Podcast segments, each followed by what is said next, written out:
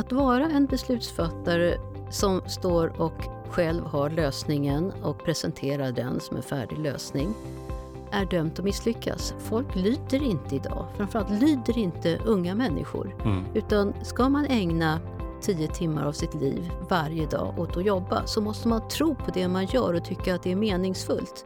Och då måste du ha en ledare som förmår att förmedla just detta. Mm. Du är viktig, det vi gör i det här bolaget, i den här kontexten, i den här organisationen är viktigt att ägna ditt och mitt liv åt.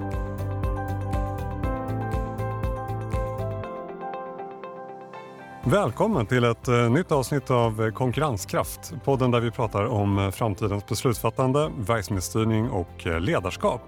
Och det är inte bara ett nytt avsnitt, det är en helt ny säsong. Så att om du är en ny lyssnare, superkul att du har hittat hit. Glöm inte att prenumerera på podden. Säsongen kommer bjuda på många spännande gäster. Och är du en av alla som har hängt med ett tag, varmt välkommen tillbaka. Jag heter Robin Askelöv och är CMO på Hypegen som ju ger ut den här podden. Och Hypegen är ett techbolag där vi brinner för just beslutsstöd och verksamhetsstyrning. I de här samtalen så vill vi testa nya vinklar på hur vi som beslutsfattare kan bli bättre rustade inför framtiden. Det gör vi genom att träffa intressanta människor med spännande erfarenheter och perspektiv. Och den här gången så ska vi prata om den kanske något udda kombinationen public service och eh, styrelsearbete. För idag så har vi med en riktigt vass och erfaren journalist tillika VD för Sveriges Television, numera engagerad i en rad styrelser. Jag pratar om eh, Eva Hamilton. Så kul att ha dig här. Hur står det till? Tack! Jo, det står väldigt bra till. Härligt. Du är eh, precis hemkommen från, eller hemkommen, du var ju i Stockholm nu, säger Folk och Försvar den stora konferensen om eh, mm. säkerhetspolitik. Ni fick ändra ganska mycket va, precis innan? Nej, men tanken var ju att den som vanligt ska vara i Sälen. Eh, och sen så eh, av kända skäl så blev den så småningom digital i Stockholm. Men att den blev digital innebar inte att alla gästerna var på plats. Mm. Alla som skulle intervjuas var på plats men publiken var ju då, eller är ju då digital. Ja, men den, är ju, det var ju, den inträffade just i de här fortfarande väldigt heta dagarna runt Rysslands krav på, på Nato och på EU om, mm. Eh, som är fullständigt... Man, varför ställer Putin dem när han vet att de inte är möjliga att, att gå till mötes? De är mm. helt omöjliga. Mm. Eh, och, så det var, ju, det var ju spännande att i det läget ha den här församlingen av ÖBR och försvars olika försvarsministrar och utrikesministrar men också folk som är jätteduktiga på satellit och rymd som ja, börjar bli en försvars, som är en försvarsdomän mm. numera. Eller till Google, hur de förbereder sig inför valet och med de attacker som vi kan förvänta oss på sociala medier mm. för att påverka också det svenska valet. Så det är ett, det är ett jättespännande dagar var det. Mm. Och det är ett spännande uppdrag att få leda det där. Ja, men jag förstår det. Vi, vi kommer ju komma in en del på, på liksom hur din vardag ser ut. För du kastar ju dig mellan väldigt många olika perspektiv. mellan satelliter som skjuts upp från eh, ovanför Kiruna till eh, universitet till film och tv. Ja, ja men det är jättekul. Och just på det temat, några ord om din, din bakgrund. Eh, jag har läst på lite här. Du är ju journalist i grunden, lång bakgrund från olika roller, både i Sverige och som utlandskorrespondent. Senare så blev du VD för Sveriges Television 2006 till eh, 2014. Du har blivit utsedd till Årets ledare, Årets förnyare, till Årets branschpersonlighet. Numera så är du ordförande för branschorganisationen Film och tv-producenterna styrelseordförande för produktionsbolaget Nexico eh, och för övrigt Luleå tekniska universitet. Sitter i styrelserna för Expressen Lifestyle, Bonnier News, Bonnier Local. Tidigare suttit i styrelsen för bland annat Lindex, Dramaten, LKAB. Eh, att kalla dig för styrelseproffs numera, det kanske inte är en överdrift. Man jag sitter, du glömde ju, alltså en av de absolut mest spännande styrelseuppdragen jag har sedan många år tillbaka, ja. det är just LKAB. Så järnmalm är liksom... Ja, men du sitter kvar i. Järnmalm är min. Just det. Ja, men så, så fråga mig om hur man gör stål utan kol, alltså ja. hybrid. Hur man, och fråga mig om hela förflyttningen av städer. Och så. Det, är, det är en otroligt ja, så, roligt så eh, uppdrag. Det var så många så jag missade faktiskt städer och större. Superkul. Är helt okay. Men du, det här med att vara styrelseproffs, vad, vad, vad känner du inför den eh, benämningen? Att jag aldrig känner mig som ett proffs. Jag mm. känner mig fortfarande... Alltså, numera börjar jag väl tycka att jag börjar fatta eh, liksom, rollen som styrelseledamot. Som ordförande är inte så konstig, för den är ju den, är ju, den sekunderar ju vd hela tiden. Mm. Alltså man, man, man styr ju tillsammans med en vd eh, och eh, vdn tar liksom alla de dagliga besluten men man är, står där som en, en ständig samtalspartner. Att vara styrelseledamot, ibland kan man känna sig som ett transportkompani. För Mm. är CFO, ordföranden och vdn överens så är det, ska det mycket till att man som styrelseledamot ska ha en helt annan avvikande uppfattning som Mm. man dessutom ska då få gehör för. Men idag börjar jag se att eh, egentligen är det inte att jag är, jag är särskilt duktig på järnmalm. Eh, det är jag ju inte. Mm. Eh, men däremot så börjar jag ändå kunna vila lite tryggt i att jag har så pass mycket erfarenhet att jag kan nästan känna i lukten på någonting att det här kommer att bli trassligt av Mm. ett eller annat skäl. Och ibland är det värt att ta trasslet, men jag kan åtminstone förvarna om trasslet som kommer att komma. Mm. Eh, Men jag, så jag kan, med den erfarenhet jag har nu, för nu har jag ju suttit aktivt i rätt stora och många styrelser. Jag satt länge i Fortum i Finland som är ett jättestort elbolag som har ju köpt eh, Uniper i, eh, i Tyskland och blivit alltså ett av Europas största elbolag. Och hela den transformationen, jag kan tänka att de första två åren så skulle jag ha vetat vad jag vet nu. För vad töntig jag var. Liksom, vad, vad, vad, vad, jag pratade för mycket om saker jag inte kunde liksom, för att man vill ju ändå göra någon sorts eh, avtryck. Mm. Jag skulle ju bara hållit tyst tror jag. Men du, jag tycker, alltså det är så mycket i det du säger nu som jag tycker är jätteintressant som jag antecknar för att jag vill komma tillbaka till det. För just spelet i styrelserna tycker jag är jättespännande. Mm. Och just precis det här hur man ser till att vara uppsjungen på alla de här olika sakerna man ska faktiskt ha åsikter Mm. om. Jättespännande, så vi kommer tillbaka dit. Och det yttersta ansvaret för. För Ja. går det åt skogen så är det ju faktiskt styrelsen. Och sitter du i en bankstyrelse så blir Mm. det där fruktansvärt smärtsamt tydligt. Ja men verkligen, något som har blivit tydligt också allt mer de senaste åren. Och, eh, vi kommer att prata mer om det, vi kommer att prata om Sveriges Television och dina erfarenheter därifrån. Eh, låter det som en plan någonstans för ett samtal? vi, vi försöker. Det låter bra. Men du, jag tänker först ska vi eh, värma upp med några fler inledande frågor som jag ställer till alla gäster. Eh, nu har du hunnit värma upp rösten lite grann, men jag tänker att vi, vi kör några, några korta frågor och snabba svar också. Eh, när, när har du som roligast på jobbet? Din vardag är ju som sagt väldigt bred. Vad, vad är det roligaste i det? När jag lär mig någonting, när jag får en sån aha-upplevelse. För vad som driver mig hela tiden är när jag, ska, liksom, när jag fattar plötsligt nya saker. Mm. Eh, och där är ju ja, LKAB är ju fullt med såna. Mm. Bara en sån sak, nu avbryter jag dig genast i din, fina snabba frågeföljd du tar, alltså, man, man har ju brutit ut sten ur de här gruvorna i hur många år som helst. Det är ju Mm. enorma stenhögar. Plötsligt så börjar man förstå att i de här gamla stenhögarna som nu ligger uppe på, på marken så finns det ju massa väldigt små, låga grader men dock av värdefulla metaller av typ kobolt, Mm. av typ litium, av typ alla de här som, som du behöver för att göra batterier av och som du idag jagar i Kongo i Kina. Mm. Och plötsligt börjar gå vi, vi igenom alla våra stenhögar och kommer att starta nu en verksamhet när vi ska bryta ut de här metallerna som om det är nästan 40 järnhalt i en, i en gråsten så här kanske vi talar om en, två eller lägre procent. Okej. Men ändå så det lönare sig att göra det. En sån upptäckt, när, man, när jag liksom förstod det på ett styrelsemöte, då blir jag alldeles... eh, Mm. Ja, jag blir hög. Så även med Bonnier som håller på i det hela om... För två år sedan, om du hade frågat mig, eller tre år sedan, och frågat mig om lokaltidningar så hade jag suckat att sagt att de är nog döda tyvärr Mm, och mm. därmed den lokala demokratin. Idag när jag ser hela, eh, alltså med, med covid, hur även den äldre generationen har lärt sig umgås med barnbarnen via plattan Mm. och därmed faktiskt också läsa tidningen på plattan så slipper du lantbrevbäraren som ska upp klockan fem på morgonen och cykla iväg eller åka iväg till en eh, fjärran tidningsbrevlåda. Mm. Och du slipper pappret och du slipper hela diskussionen. Och plötsligt så börjar jag tro att landsortspress kommer, eller på den nya plattformen, kommer att bli en fortsatt maktfaktor. Mm. Mm. Ja, men spännande. Vi, vi går vidare. Vad, vad är du mest stolt över senaste året? Senaste året? Mm.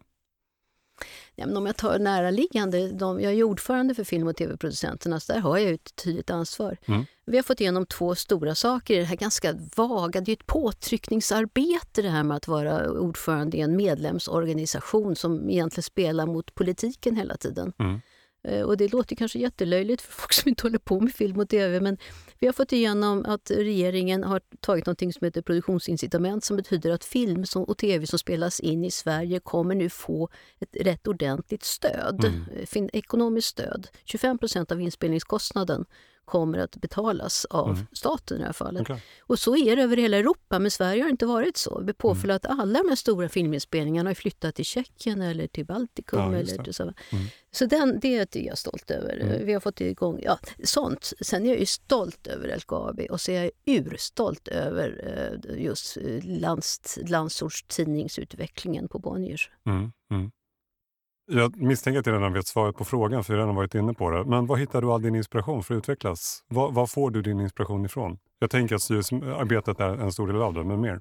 Jag är, väldigt, jag är en extrovert människa. Jag är mm. inte en sån som sitter under en ek och själv kommer på fantastiska nya insikter, utan jag måste prata och lyssna. Mm. Och det har, har en kommunikation med någon extern. Så jag får min inspiration av att prata med smarta människor på eh, allt ifrån eh, på liksom, vad händer med försvarspolitik till eh, digitaliseringen av, av medieplattformar. Då blir mm. jag liksom eh, hög när jag plötsligt fattar någonting och mm. kan kanske bidra. Du, eh, jag tänker att vi drar igång. Och eh, som sagt, jag tänkte att vi ska börja med din tid på Sveriges Television. Och det är ju på många sätt en av de mest publika verksamheterna vi har i, i Sverige. Alla har en uppfattning om eh, public service och hur SVT sköter det uppdraget. Där var ju du vd under åtta år efter en lång karriär som journalist. Om det går att sammanfatta på något sätt, alltså vilket är det mest bestående minnet från, från din tid där? Jo, när jag tillträdde då var Sveriges Television eh, mindre uppskattat än TV4. Mm. TV4 var större, eh, hade högre skattningar i alla, liksom, till och med mera pålitliga nyheter sades det, än vad SVT hade. Mm. Och eh, med den här styrkepositionen så köpte TV4 Nobel, eh, man köpte nationaldagen. Mm.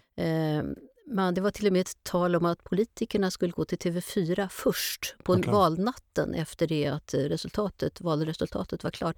Det vill säga TV4 höll på att ta Sveriges Televisions position som hela Sveriges Television. Mm. Eh, och det gav ett väldigt dåligt självförtroende i organisationen. Eh, det läget, det där lyckades vi vända. Vi lyckades vända både rent konkret, vi tog tillbaka alla de här institutionella storheterna av, av program, mm. men vi lyckades också väl, vända så att eh, Sveriges Television blev det mest uppskattade tv-bolaget. Mm. Idag är ju inte längre konkurrenten TV4 utan idag är det Google eller Facebook. Så idag är spelplanen delvis annorlunda. Men vi lyckades genom moderniseringen av tv-utbudet, av tilltalet, av distribution och framförallt startandet av Play, eller utvecklandet av Play. För min företrädare Kristina Jutterström hade satt igång en sorts repriskanal för framförallt nyheterna. Mm. Eh, och sen kunde man ju bygga ut det där då till vad Play är idag. Ja, just det. Du, du är inne på det också när du säger skillnaden nu i konkurrensen mm. TV4. Nu, nu pratar vi Google istället. Mm. Alltså, något som måste ha präglat din och tid. Och Youtube. Ja, ja, verkligen. Det kan jag tänka och Netflix. Mig. Ja, precis. Man kan göra den listan mm. lång. Och allt handlar egentligen om förändringar som ju måste ha präglat din tid något, eh, något enormt. Du var ju där 2006 till 2014 och du nämner ju redan nu, du jobbar ju mycket med digitaliseringen där. Vilka var de största utmaningarna under de här åren som, som du fick brottas med? Ja, men, vi drog, jag drog ner eh, var, alltså jag drog ner 20% av personalen fick gå. Okay. Mm. Och det är, alltså, I ett sånt publikt bolag, det är ju otroligt blodigt. Mm. Det blir ju en, en sån uppståndelse runt det, eh, både internt och externt. Och hur de mellancheferna, hur, ill, hur liksom squeezade de blev. Och framförallt i de här du vet, mindre orterna där man kanske bara har 20 personer mm. på, på redaktionen och så ska då två av de här gå och man, man känner dem aldrig. Alltså, jättesvårt. Eh, så den var, den var stor. Men sen så... Eh, det fanns som sagt ett väldigt dåligt självförtroende på SVT. Skulle vi likna TV4? Skulle vi vara tvärtom, mm. bli ännu mer kultiverade, kulturella och mm. eh, liksom eh, smala? Och så just när jag tillträdde så blev det en ny regering. Det blev ju en ny borgerlig regering som skulle då eh, smala av public service rejält mm. och ta, avskaffa tv-licensen och alltihopa.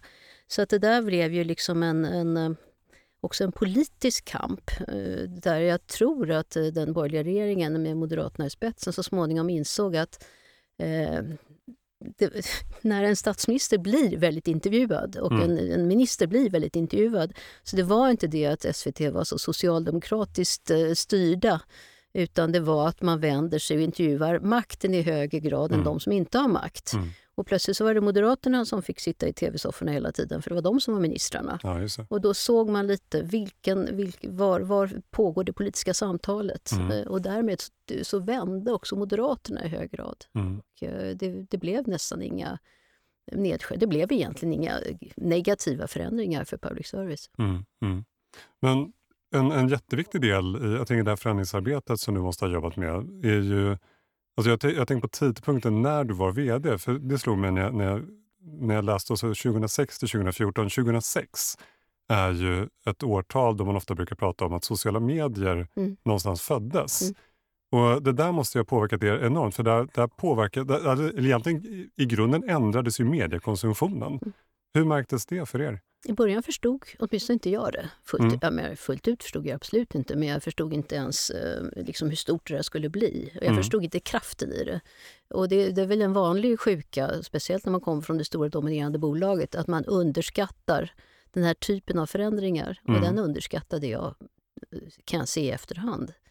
Eh, så småningom så började det ju komma till väldigt tydliga ställningstaganden. Vad gör vi när de sociala medierna har namngivit en mm. intressant kriminell brottsling eller någon form. De har namngivit någon person som är intressant i nyhetsflödet. Mm. Så att man, man, kunde få anklagelser att alla vet och ni döljer. Ja, uh, hur, hur hanterar man då enligt de gamla pressetiska reglerna som jag fortfarande skattar högt? Mm. Den typen av konflikter kom ju i allt högre grad under min vd-tid. Mm. Det där är ju ett jätteintressant exempel för det händer ju snabbt och det finns ju andra saker som också händer snabbt kopplat till digitaliseringen. Och, eh, att du, om du tar nytt, alltså ett av de nyaste exemplen, om du tar civilministern mm. Karkanen, Ida Karkanen som sägs ha gjort en, en Hitlerhälsning eller vad hon nu ja, gjorde för någonting när hon var 15 år gammal, det vill säga för 20 år sedan eller mm. vad det nu är. 15 år sedan i alla fall. Eh, så, och det här plockas upp av då sociala medier mm. eh, på den extrema högerkanten. Och alla vet på något sätt att det inte är relevant. För du kan, mm. man kan hitta ju bilder på både dig och mig när vi inte ser kloka ut när vi är 15 mm. år gamla mm. och sen kan vi försöka tolka dem senare.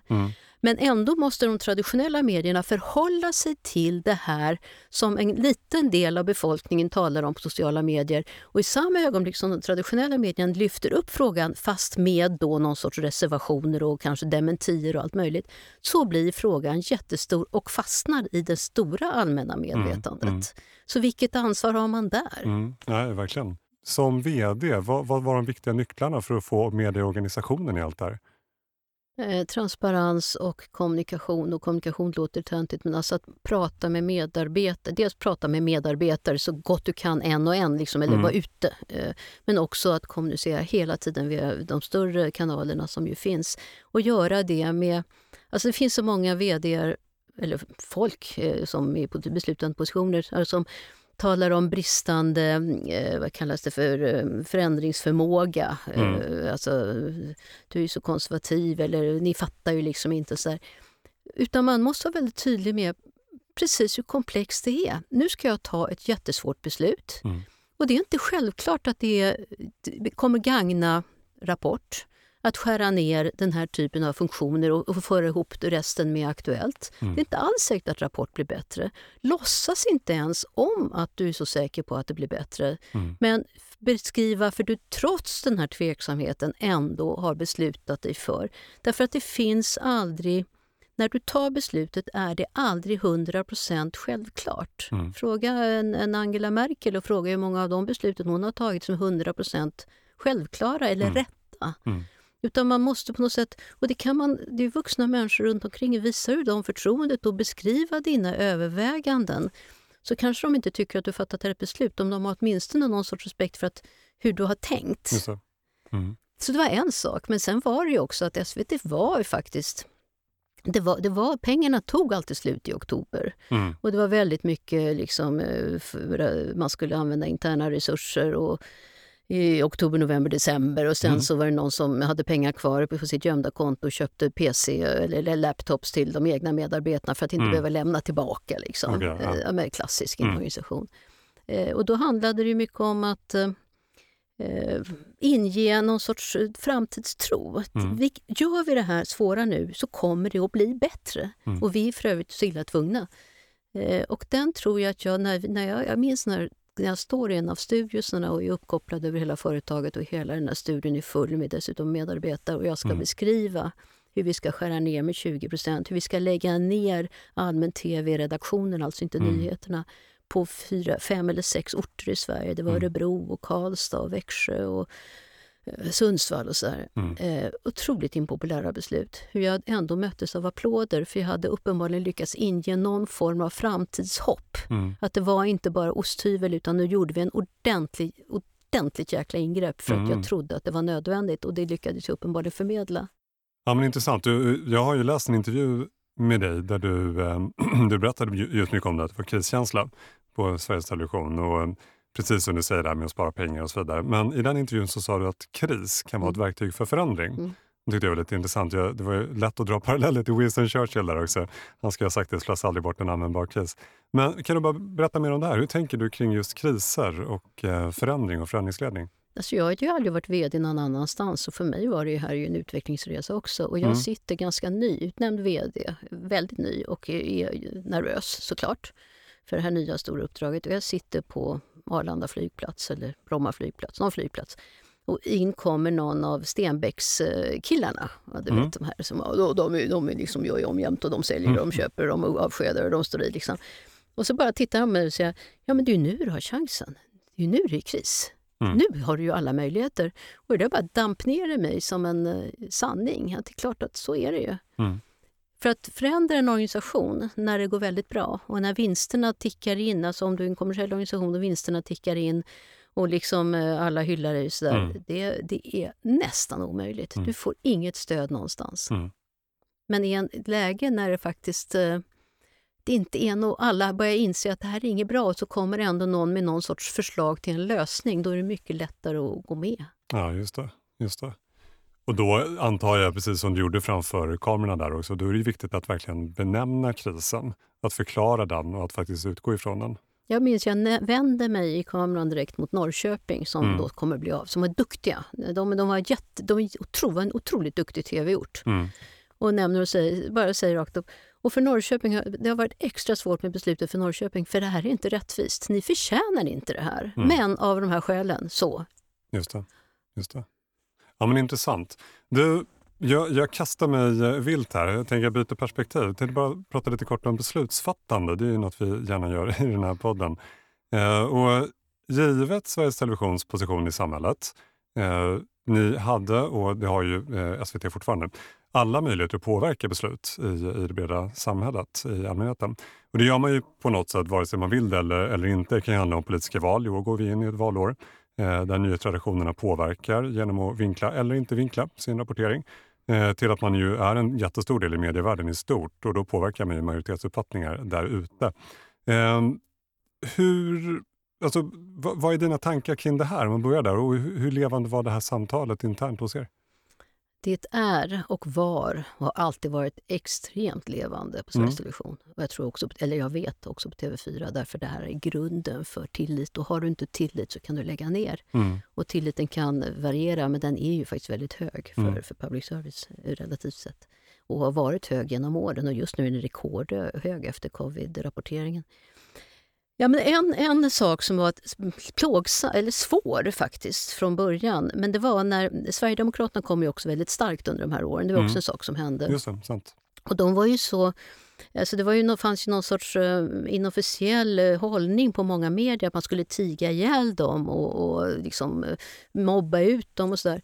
Och det var ju massa incidenter av typen, vi hade, skulle ha en partiledardebatt och Lars Ohly och Miljöpartiet, tror jag det var, sa bägge att vi vill inte stå på samma sida i uppställningen i studion som, mm. som Sverigedemokraterna. För det vet jag ju hur det är. Nej, det var inte Lars Ohly, det var mm, Juholt var det som inte skulle. Det var mm. Socialdemokraterna och Vänsterpartiet. Mm. Vi vill inte stå på samma sida, för det vet jag, sa Juholt som gammal fotograf, hur det ser ut om man blir fångad i samma tv-ruta med en mm. sverigedemokrat. Och det vill jag verkligen inte utsätta mig för. Och det slutade ju med att de, de var inte med i den debatten, vilket de förlorade ju vilt på.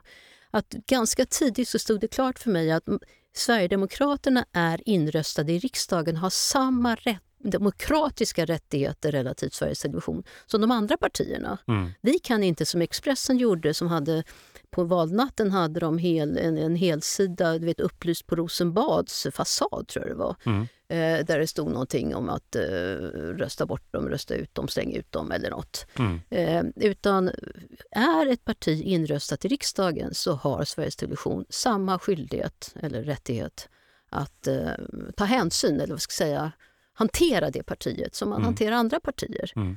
Och det där var inte självklart. Ändå fanns det ju liksom länge en, en tveksamhet hur man skulle hantera Sverigedemokraterna i all media. Och då Mm. kommer jag ihåg jag var uppe i Dalsland och träffade en undersköterska som jag satt i gryningen och åkte genom mörka skogar med och vi pratade om hur hon hade krockat med älgar när hon var på väg Mm. till olika äldreboenden och sådär. Och plötsligt förstod jag hur Eh, Åmål hade blivit av med den egna, ena industrin efter den andra. Hon hade en förståndshandikappad son som Mm. hon eh, ständigt kämpade för. Och så hade det öppnat ett eh, boende för unga pojkar från, eh, kan de ha kommit från eh, Afghanistan redan då? Eh, det var en, en, en, eller om det var Syrien redan då. Mm. Eh, och hur de här pojkarna då vilket ju är helt korrekt, erbjöds ju svenskundervisning och praktikplatser och extra stöd och allt möjligt. Hon sa att jag kan inte låta bli att känna en viss bitterhet med hur jag har kämpat för min pojke. Och så ser Mm. jag hur det här liksom öppnas, eh, asken för de här Mm. pojkarna. Mm. Även om jag tycker, ja, men, och det här var en god kvinna som skulle ta emot vilken flykting som helst i, i sitt hem i köket. Om, och plötsligt så gick det upp för mig att det, är, det här är inte så enkelt. Mm. Och det här måste, den här komplexiteten måste vi fatta. De reflektionerna som du har från Sveriges Television, de, de kommer ju från den typen av verksamhet såklart med, med allt ifrån publicistiska eh, ställningstaganden åt olika håll och det handlar om förändringsarbete och digitalisering och så vidare. Det du har med dig från Sveriges Television nu till dina styrelseplatser eh, i an, helt andra bolag. Vad är de viktigaste lärdomarna du tar med dig därifrån in i styrelsearbetet idag? För, helt, för, för gruvnäring eller för, för universitet eh, till exempel? Dels finns det ju en inbyggd i mig, nästan som en instinkt, att skulle det här beslutet tåla en granskning av Uppdrag granskning? Ja. Skulle vi kunna tala om det med, med stoltheten i behåll? Mm. Eh, Den finns ju direkt som en instinkt. Eh, och- det är ju en del av det. Men, men en annan del är hur uppfattas det här utifrån? När vi flyttar städer i Kiruna och vi betalar Mm. olika...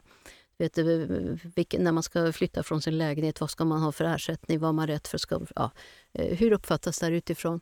Men också personal, alltså hela den här med involveringen av de fackliga organisationerna och utbildning och hur får du med dig personalen? Mm. Liksom på, på vilket sätt då?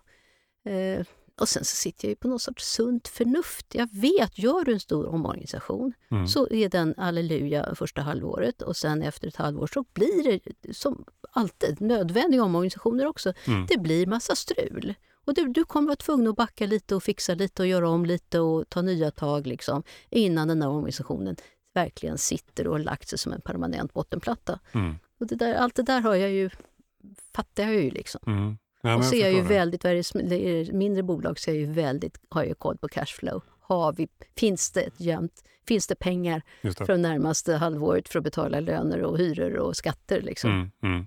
Ja, men du, har, du har ju brottats med, med väldigt många olika typer av problem, helt klart.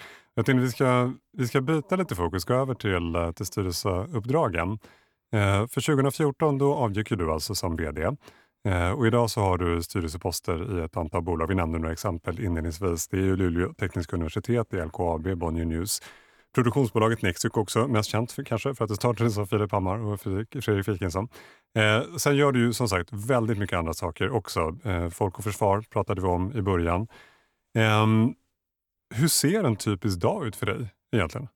Den är splittrad. Alltså, Ja. Tidigare kunde jag sitta på mitt vd-rum och ha en assistent som hade helt koll på läget och tog hand om mig som om jag vore ett guldägg. Mhm. Och det kom, alla kom till mig liksom och satt i min soffa och, och pratade. Nu så springer jag ju som en tätting över eh, stan eller landet Mm. eh, för att jag är är den som infinner mig på olika eh, ställen. Så den är splittrad, men den är också den är mycket mer eh, flexibel. Plötsligt kan jag ju faktiskt ta en ledig fredag eller en Mm. ledig måndag och vara Mm. på landet. Eh, för att inte styrelsemöten kommer ju ofta i kluster, de kommer i Mm. samband med kvartalsrapporter och sådär.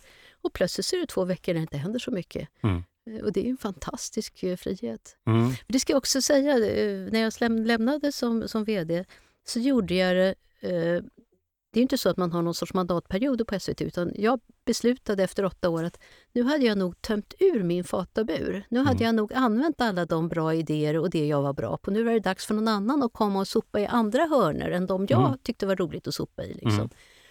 Eh, och det tror jag är viktigt. Man ska byta jobb. Mm. Man, ska byta, man ska inte sitta längre än typ tio år på en, den typen av position. För Mm. man, man kan inte... Så rik i personligheten är väldigt få människor som man ständigt förmår att förnya sig. Mm. Har du samma fundering kring styrelseuppdrag? Jag är ganska rationell med styrelseuppdrag. Ja. Eh, när jag känner att jag inte kan bidra för jag tycker inte att jag är eh, tycker det är tillräckligt roligt eller tillräckligt bra på det så, Mm. så har det hänt att jag har lämnat. Mm. Eh, det är också...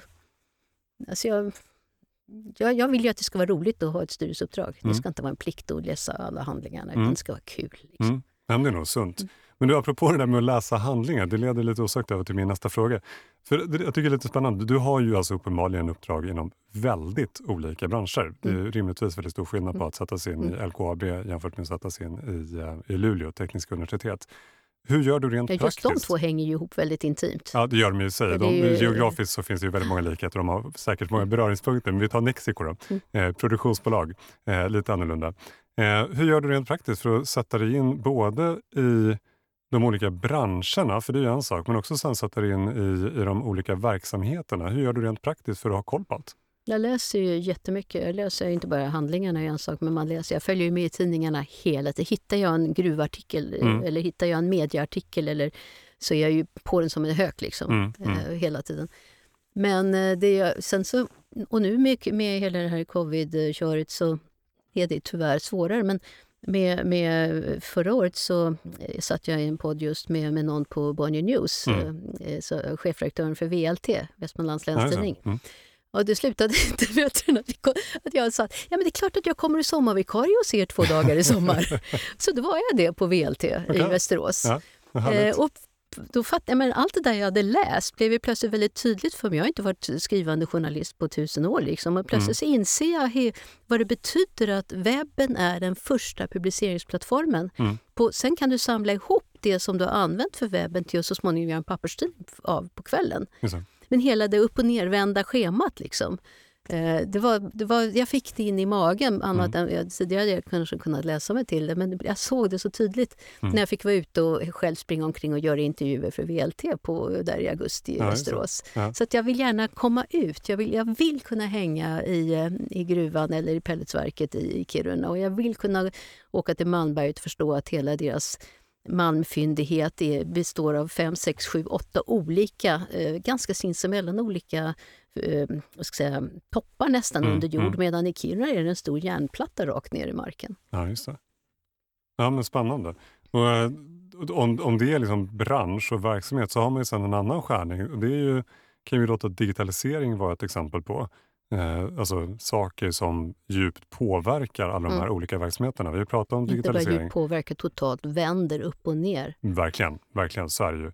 Och om man tar den, det perspektivet, hur, hur jobbar du där? För det där måste ju vara en helt annan fråga, att kunna faktiskt också se framåt och kunna sätta sig in i saker som kanske inte just nu Mm. ligger på bordet. Men det är inte min, jag, är inte, jag tycker inte att jag är jättebra på det. Alltså det finns saker som inte jag är så bra på och då får jag se till att och skaffa mig folk, antingen om jag själv är ledaren, skaffa mig folk runt omkring som är bra på det eller lyssna till sådana som jag vet är bra på det. Mm. Och dit hör till exempel strategiskt tänkande sju år framåt i tiden. Mm. Jag är jätte på två år framåt. Det tycker jag Mm, det fattar mm. jag och det, då är jag med. Och där är jag ganska bra. Liksom. Mm. Men ska jag börja dra ut riktlinjer, gör vi det här och det här så kommer det leda till det där. Där behöver jag eh, den här typen av strategiska såna här schackspelare vet, Ja, som, kan, som Mm. är inne på drag, speldrag 7 Mm. medan jag är inne på bänderna. Liksom. Ja. Så det är en sån. Eh, Men vad det gäller digitaliseringen så, eh, så om du tittar den där jag är ordförande nu, Film och tv-producenterna, så Mm. samma skeende drabbar nu biograffilm som jag har ju sett drabbat först tv, men som också i gruvan, Mm. Bonniers eh, tidningsutgivning. Där biograffilmen just nu, vad är en biograffilm? Eller är, är det som är på Mexiko eller när Jönssonligan görs för biograf och plötsligt blir de i Simor istället för Mm. det är stängt i Ja, biograferna. det är väldigt diffust just nu. Vad händer då? Mm. Och, och liksom, hur ser det ut med rättighetsfönstren och hur ser det ut med finansieringen? Vem ska, alltså, det är en helt annan värld där bio nu har kommit in i digitaliseringens mest akuta fas. Mm.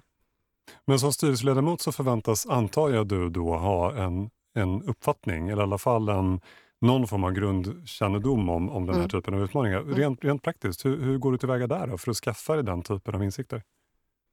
Det handlar mycket också, litar jag på ordförande och vd? Mm. Litar jag på dem, då, lyssnar jag, då är jag ju mycket mer, ja, det är själv, självklart, mycket mer benägen att liksom följa deras förslag. Mm. Är jag lite misstänksam mot, mot deras kapacitet eller Mm. kompetens, då blir jag ju mycket mer motvalls såklart. och liksom ifrågasätter och bråkar och, Mm. och så. Men jag, jag, hur går man tillväga? Man försöker ju, men det, det finns ju inget annat sätt än att försöka skaffa sig mera kunskap. Mm. Det finns det enda sättet att prata med andra och intervjua folk på det sättet som jag är gammal journalist. Jag kan ju, det finns ju inte en stackars människa som har dit bordet som inte blir intervjuad. Liksom. Mm. Mm. Nej, men så, så är det förstås. Eh, du, du var för övrigt på någonting som jag tyckte var intressant. Du nämnde det tidigare också, eh, det här med beslutsprocesser i styrelserna.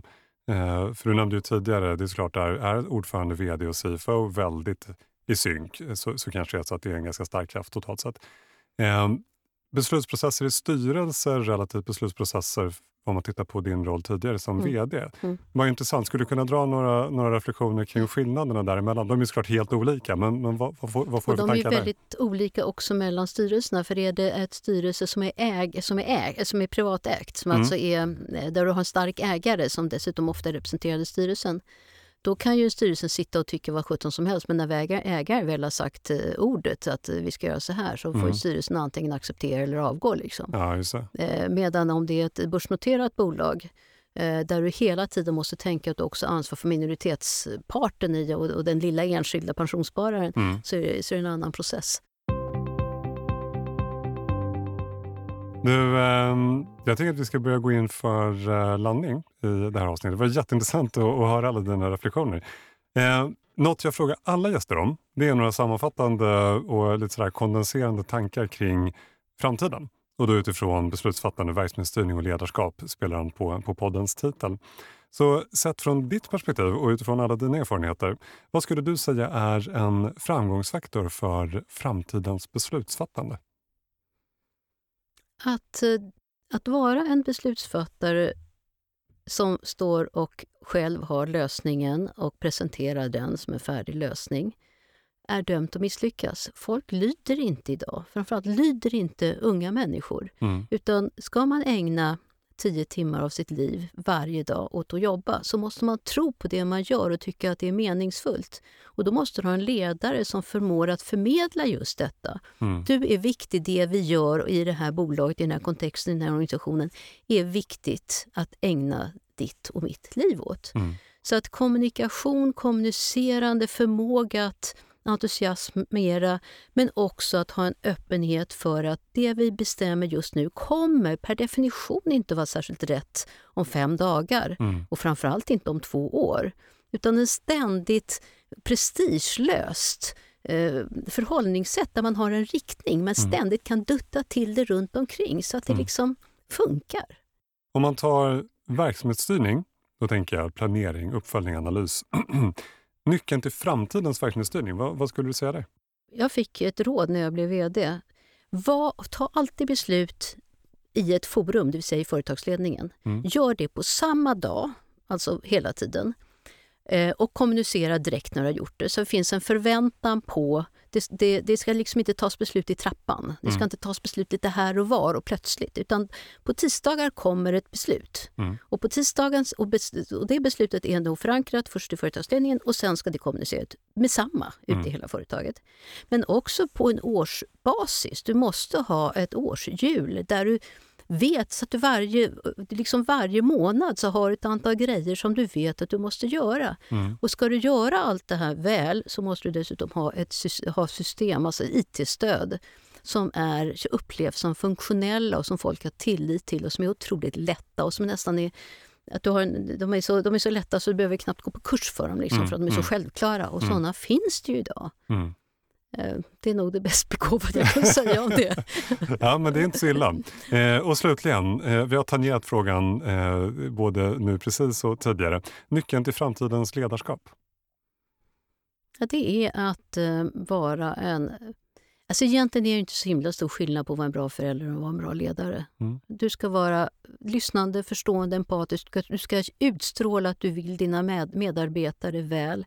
Men du ska också våga säga ifrån när det inte, när det inte funkar. Mm. Men jag tror att nyckeln till framtidens ledarskap är att glöm allting av vad som är den som är man ett dåligt föredöme, eh, är det så att du ska spara massa pengar och säga upp massa personal och så skaffar du en ny tjänstebil som är mm. fem miljoner dyrare än den förra, så då är du dömd, du är dömd att misslyckas. Det kommer mm. inte funka. Du mm. måste vara en transparent människa som tyck, där folk tycker det är roligt att jobba med dig. För mm. att rekrytera folk idag på den här marknaden där alla är ute och rekryterar den här ganska lilla unga generationen som just nu står till buds, mm. Eh, fåtaliga så måste det vara någon som det är kul att jobba med, som man vill jobba med, som man får lite status av att jobba med, som mm. man kan skryta med om min chef. Mm. Inte min chef, alltså ja, det utan min chef.